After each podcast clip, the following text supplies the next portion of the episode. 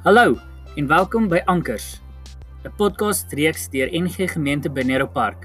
Hier voer ons gesprekke oor Jesus, die Bybel, genade, geloof en hoe ons lewens God eer.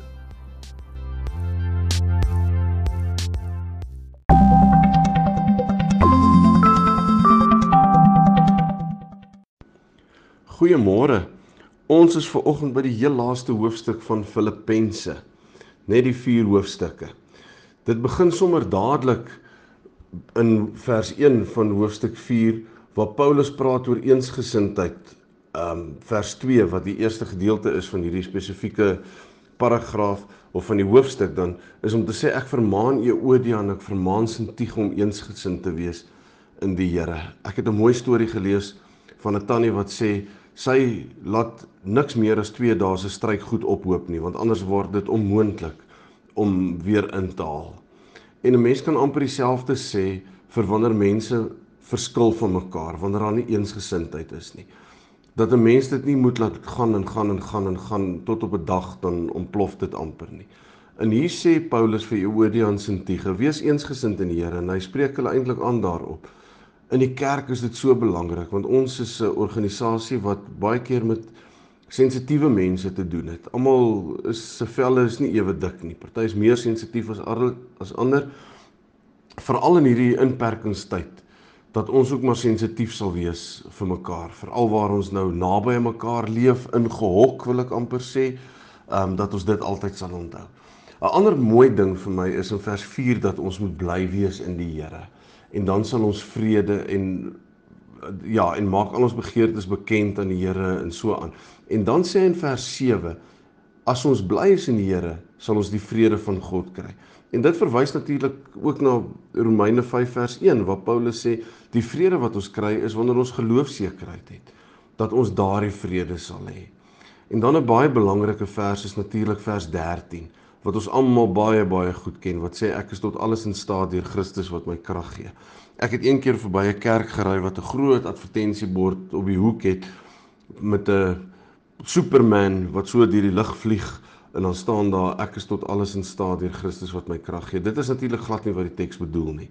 Die teks sê nie ek kan wens wat ek wil en ek kan dit kry nie want ek is tot alles in staat deur Christus wat my krag gee. Dis glad nie wat dit beteken nie. Die konteks van vers 13 lê in vers 12. Paulus sê ek weet wat armoede is en ek weet wat oorvloed is. Van alles het ek ondervinding om genoeg te hê om te eet sowel as om honger te ly, om oorvloed te hê sowel as om gebrek te ly. Ek is tot alles in staat deur hom wat my krag gee. Bedoelende ek sal ook hierdeur kom. Want hy sit in die tronk, ons moet dit onthou. Paulus is in die tronk terwyl hy die brief aan die gemeente in Filippi skryf. So hy sê vir hulle ek sal ook hierdeur kom. Ek is tot dit ook in staat om hierdeur te kom, om in die tronk te wees want ek was al honger en het al genoeg gehad om te eet. Maar ek weet ek sal hierdeur ook kom. Kom ons onthou dan dat ons moet kyk na eensgesindheid onder ons, dat ons dankbaar moet wees en dat ons weet dat die Here ook vir ons krag gee om deur moeilike tye te kom waar ons nou is. Want hierdie was 'n moeilike tyd vir Paulus. Hy was in die tronk in ja, hy het maar gestoei en hy sê maar ek sal hierdeur kom.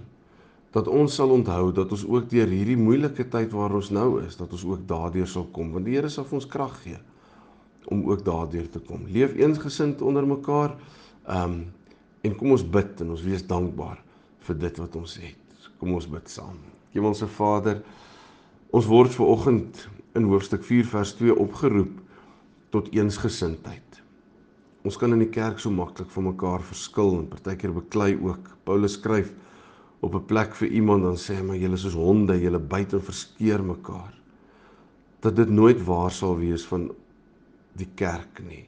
Dat ons eensgesind sal wees, dat ons nie goed sal laat oppot en oppot en oppot totdat dit eendag ontplof nie, maar dat ons soos die stryk werk dit nie sal laat ophoop nie dat ons dit sal uitsorteer. Here en dat ons dankbaar sal wees. Partykeer voel ons ons het niks om voor dankbaar te wees nie, maar as ons net bietjie kyk na mense om ons, dan besef ons dat ons het so baie om voor dankbaar te wees. Here en dan kom haal ons krag by U vir oggend. Paulus skryf in Filippense 12 dat hy honger was en dat hy ook genoeg gehad het om te eet en dat hy weet dat U vir hom krag sal gee om ook daardeur te kom terwyl hy in die tronk in Filippi was. Ons kom haal krag by U vanoggend. Krag om deur hierdie inperkingstyd te kom. Krag van alleen wees. Here, daar's soveel wat alleen is. Wat eensaam is en dan hardloop die gedagtes. Maar Here gee vir ons krag net elke dag. Gee vir ons elke dag, gee vir ons vandag krag om deur vandag te kom. Asseblief, Here. Dankie dat ons dit kan bid in die wonderlike naam van Jesus Christus, ons Here. Amen.